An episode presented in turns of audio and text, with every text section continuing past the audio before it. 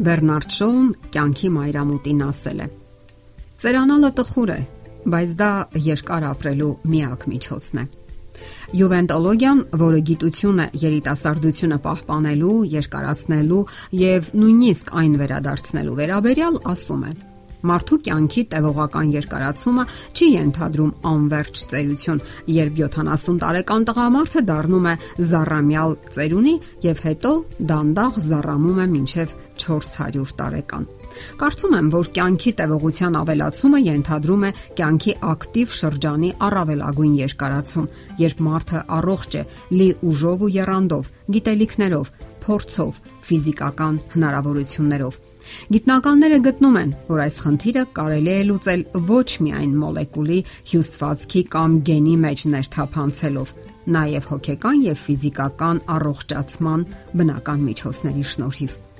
Եթե մարդը ծնվելու պահից ապրի բարոյական, ֆիզիկական եւ հոգեկան ճիշտ սկզբունքներով, պահպանի սնվելու եւ հանգստանալու նորմերը, ապա կապրի 150-ից 200 տարուց ոչ պակաս։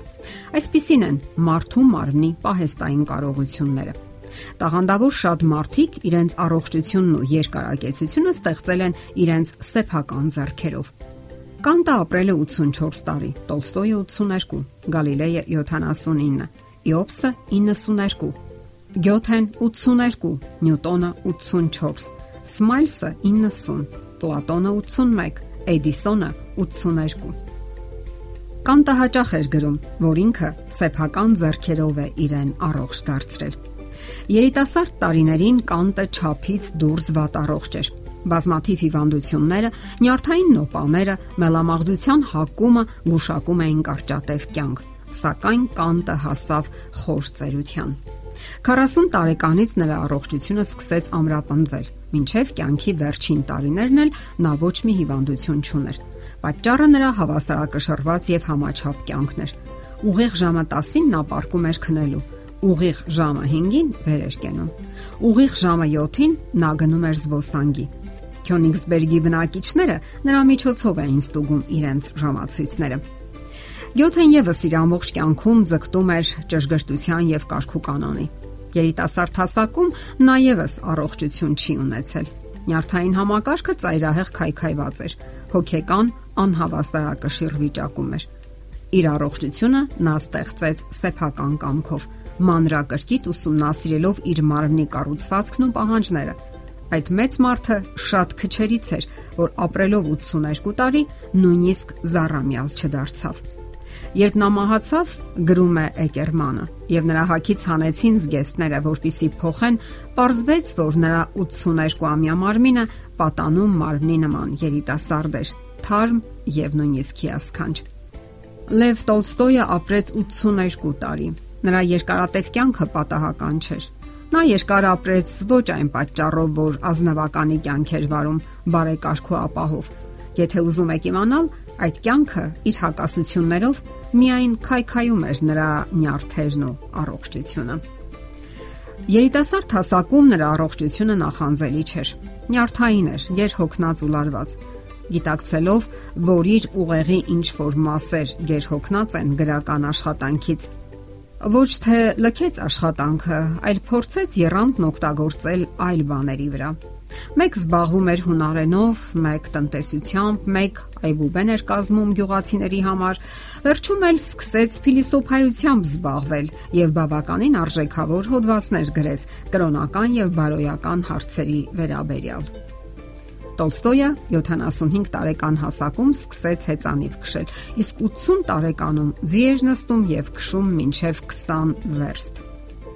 Տոլստոյը հաղթեց ծերությունը, պահպանեց ստեղծագործելու ընտունակությունը, մտքի պայծառությունը մինչև իր կյանքի վերջը։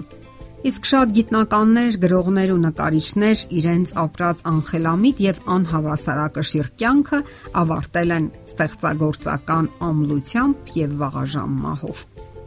Այսօր իրականացել են մարդկության հազարամյա երազանքները։ Սննդի առատություն,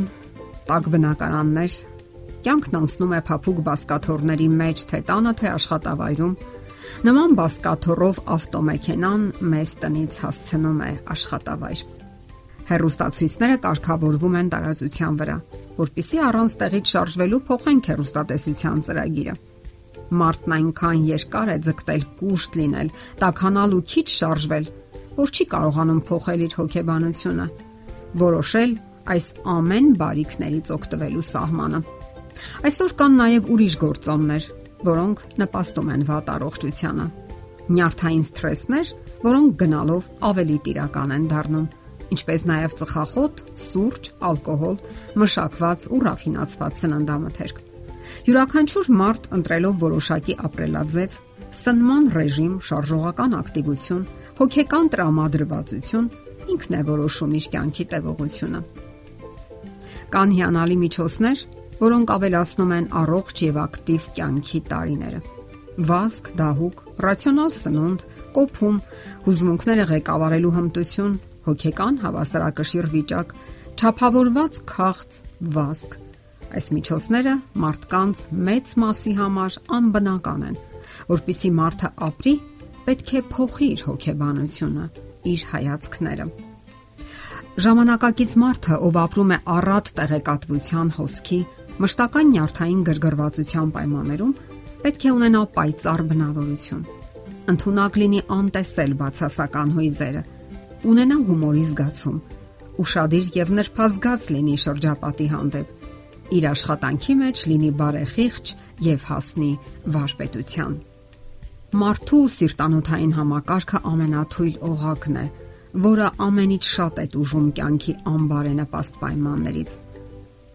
Աշխատեք ամրապնդել ու կատարելագործել ձեր սրտանոթային համակարգը. քայլքի, լողի, վազքի, մարմնամարզության շնորհիվ պահպանեք ձեր նորմալ քաշը, կալորիաների սահմանափակման եւ շարժողական ակտիվ ռեժիմի շնորհիվ։ Հրաժարվեք այն վնասակար սովորություններից, որոնք կրճատում են ձեր կյանքը։ Կամքի ուժ դրսևորեք,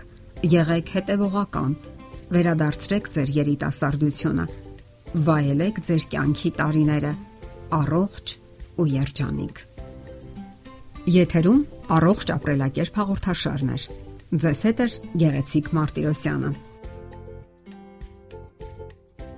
Հարցերի եւ առաջարկությունների դեպքում զանգահարեք 094 08 2093 հեռախոսահամարով։ Հետևեք մեզ hopmedia.am հասցեով։